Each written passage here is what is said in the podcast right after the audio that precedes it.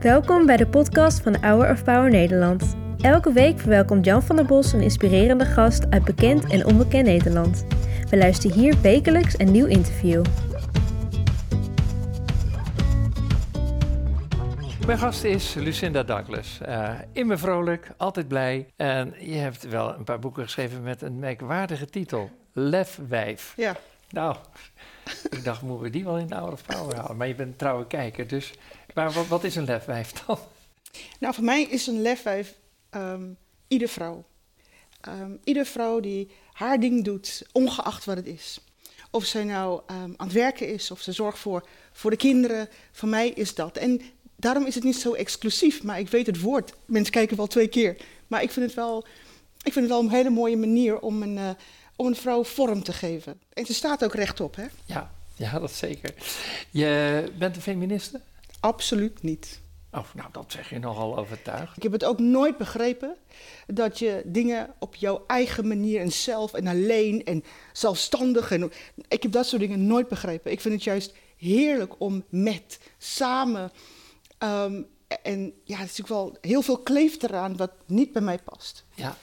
Um, dus nee, ik ben geboren niet feminist. Ik ga even terug, want je hebt drie boeken met uh, 150 verhalen nu van ja. lefdames, zal ik maar zeggen. Ja. Ik vind het zo mooi om dat woord te zeggen.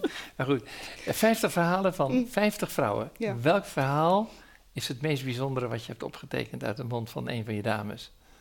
De tweede verhaal uit Lef 3 is een verhaal wat me enorm aanspreekt. Um, het is een verhaal geschreven door een vrouw en ze heeft niks met, uh, met geloof, helemaal niks met geloof. Op een gegeven moment staat ze in het ziekenhuis en haar zoontje wordt geopereerd en de arts komt naar toe en zei, de kans is maar heel klein dat je zoontje van drie maanden het overleeft. En op dat moment loopt ze naar de volgende kamer en ze zei, God als u bestaat, red mijn kind en ik geef mijn leven aan u. En de arts komt een half uur later en hij zei, uh, het gaat goed met je zoon. Maar in de kamer ervaart zij en beleeft zij echt een moment met God. Dat, dat, zijn mooie verhalen, dat zijn diepe verhalen. En ja, er zijn natuurlijk wel heel veel andere verhalen. Ja, schitterende, succesvolle, kwetsbare, je noemt het maar op. Maar in ieder boek staat wel um, verhalen waarvan ik denk van wauw, dit verandert levens. Ja. En dan schreef je zo'n boek. Ja. Je noemt jezelf uh, een happiness coach. Ik weet niet, ja, ik, ja, hou, nee, ja, okay. ik hou van de term happiness, dat klopt. Ja. Um, Blijheid is dat. Vrolijkheid. Ja, ge geluk. Geluk, ja. Mm, en toch is het veel intenser. Ja? In het Engels klinkt het veel intenser. Maar ik heb een aantal opleidingen gevolgd op dat gebied. Uh, bij Harvard, bij Berkeley, bij um, Maryland. Dan zeg je dat even zo, Harvard, hè, een van de meest prestigieuze uh, universiteiten. Ja. Uh, Berkeley ook. Ja. dat, dat is nogal wat. Nou, voor mij is het natuurlijk wel... geluk is iets wat alleen de relatie met God je geeft. Dat, dat kan niks anders, dat bestaat niet anders. Anders ben je altijd dat maar... zeg je wel heel erg... Dus... maar het is wel... Dat weet ik, dat heb ik, dat heb ik ook ontdekt. Dat heb ik ook... Er is niks anders. Um, weet je, de tijdelijke, gelukkige, makende dingen, die, die vervagen, die verdwijnen. En ik dacht, ach, dan ga ik maar een paar wetenschappelijke onderzoeken doen, naar, of opleidingen doen naar dat, dat geluk. En dat blijkt nou, het is waar. Um, alle ja, onderzoek of dat, dat wetenschap. Voor mij, ik kon het zo één op één een bijbelvers of een bijbeldeel daarvoor vinden. Dus ik vond het al heel knap dat ze hadden bedacht dat um, happiness een soort wetenschap is. Maar het, voor mij is het een wetenschap uit de Bijbel. Ja, mooi. Want de Bijbel staat ook vol met powervrouwen. Ja. Wie is ja. voor jou de powervrouw uit de Bijbel? Ja, voor mij is het Esther. Wie is Esther? Nou, Esther is een Joodse vrouw.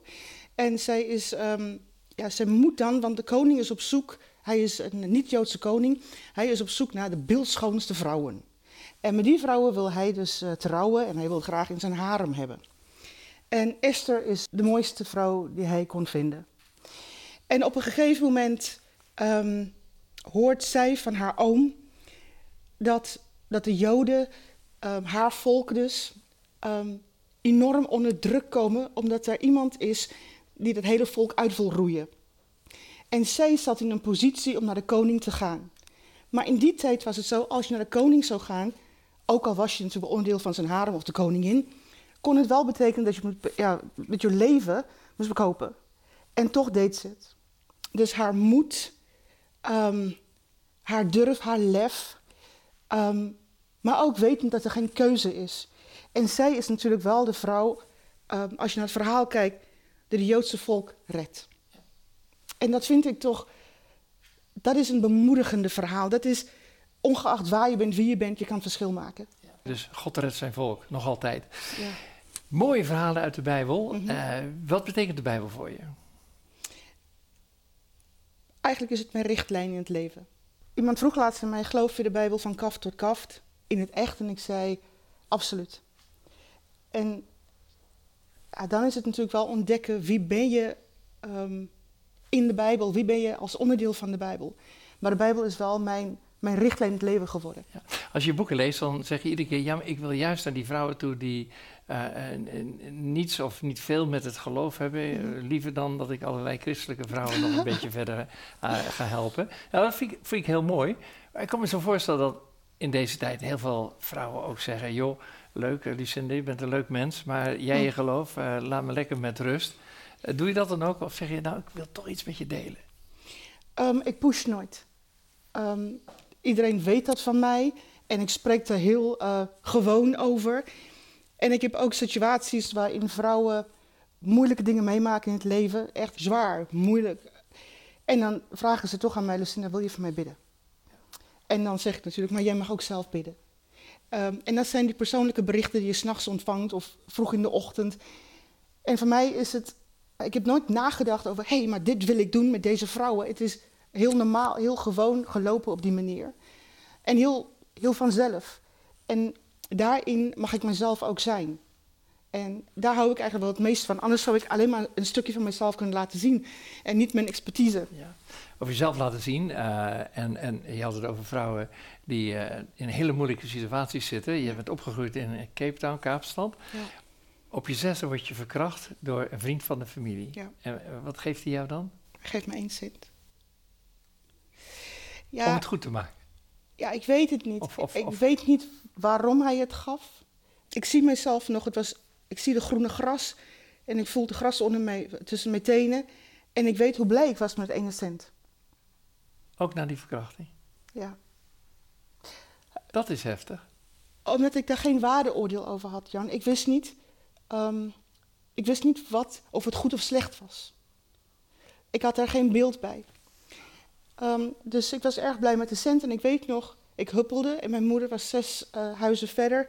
En ik zei tegen haar, vandaag kan ik een ijsje kopen. En het is pas later dat ik daarover na ging denken. Maar ik dacht, ik, het was een moment van schaamte, maar tegelijkertijd kon ik niks eraan doen. Dus ik dacht, ik ga het delen. ehm, want ik weet wel zeker dat er andere mensen ook zijn die zulke dingen meemaken.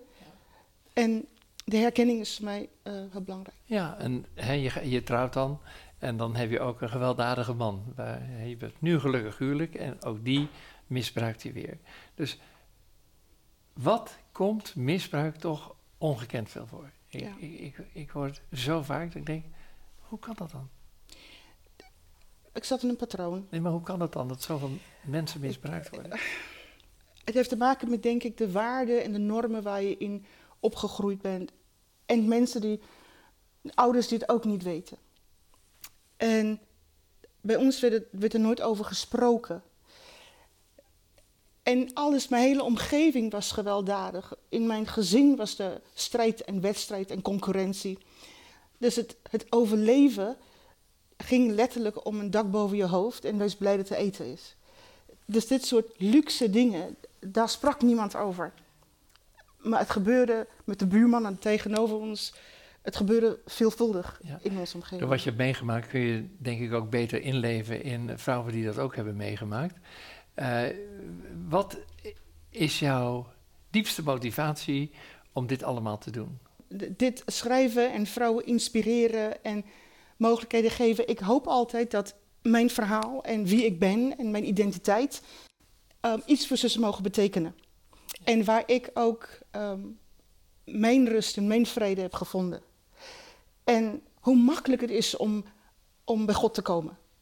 En hoe, hoe hoe, liefdevol God is, hoe vergevingsgezind God is en hoe Hij jou opbouwt om de beste versie van jezelf te zijn. Ja. Bobby gaat zo meteen spreken over, en dat is geen gemakkelijk onderwerp, over Christus die ook het kruis droeg op de Via Dolorosa op weg naar Golgotha, waar hij voor ons uh, stierf, om dat kruis op te nemen. Mm Je kijkt er zelfs blij bij. Is toch de mooiste gebeurtenis. Want als hij dat niet deed, dan uh, zaten wij hier niet. Was er geen hoop. Wat betekent dat, het kruis in je leven? Soms vraag ik me af of ik het helemaal goed begreep. Zo'n offer. Maar het is een offer wat ik wel met beide handen aangreep. En het, heeft, het is mijn identiteit. Um, en ik kan een leven zonder die offer niet uh, bedenken. Maar Paulus zegt tegelijkertijd, dus een kerkstichter uit de eerste eeuw, hij zegt natuurlijk wel tegelijkertijd: Mijn leven is een redelijke offer.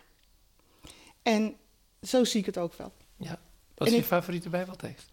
Mijn favoriete Bijbeltekst is Psalm 23. De Heer is mijn herder. Ik heb alles wat ik nodig heb. Of mij ontbreekt niks. En ik hou van de verwondering van de tekst. Want eigenlijk is het een onvoorstelbare tekst. Natuurlijk ontbreekt er mij van alles. Maar als God zegt, er ontbreekt mij niks, dan ontbreekt mij niks. En ik mag daarin leven. Dat vind ik een mooi einde voor dit uh, gesprek. Dankjewel voor je inspiratie. Laatste vraag nog wel, wat is je droom? Dat ik van waarde mag zijn voor al mijn vrouwen. Dat zij iets van vrijheid, van vrede, van diepe geluk mogen ervaren, um, zoals ik het heb ervaren. Of zoals ik het ervaar. Mooi. Je hebt het, uh, ik heb erin gebladerd, uh, stukken gelezen. Zeven wetenschappelijke principes tot ja, die, die, die lefwijfverhalen. En uh, Yes, You Can, Woman. Ook zo'n uitdagende de tekst. Dus we zullen even laten zien hoe, als mensen dat willen, een boek kunnen bestellen. En ik wil jou niet met lege handen naar huis laten gaan, Lucinda. Wat vind je belangrijker? Hoop, geloof of liefde? Hoop. Hoop. Nou, dan geef ik je graag dit geschenk van Hour of Power. Kijk eens. Mooi, hè? Ja, prachtig. Oh, dank je. Kijk. Ja, hoop is mooi, hè? Want er is altijd hoop voor de mens. Ja. Doe eens even Oh, Jan. Oh, Jan. Mag ik dat doen? Oh, ja, tuurlijk. Deze. Kijk eens. Thank you. Nou, ja, dank je hartstikke goed. En uh, jij bent blij. En ik denk dat heel veel kijkers van Hour of Power blij zijn om een van de events, live events met Bobby Schuler mee te maken. En uh, kom je ook eigenlijk? Zeker. Zeker. Ja. Kijk, nou, dan ga ik je zien. Bedankt voor het luisteren naar het interview van deze week. We hopen dat dit verhaal jou heeft bemoedigd. Wil je meer weten over Hour of Power of andere interviews bekijken? Ga dan naar www.hourofpower.nl.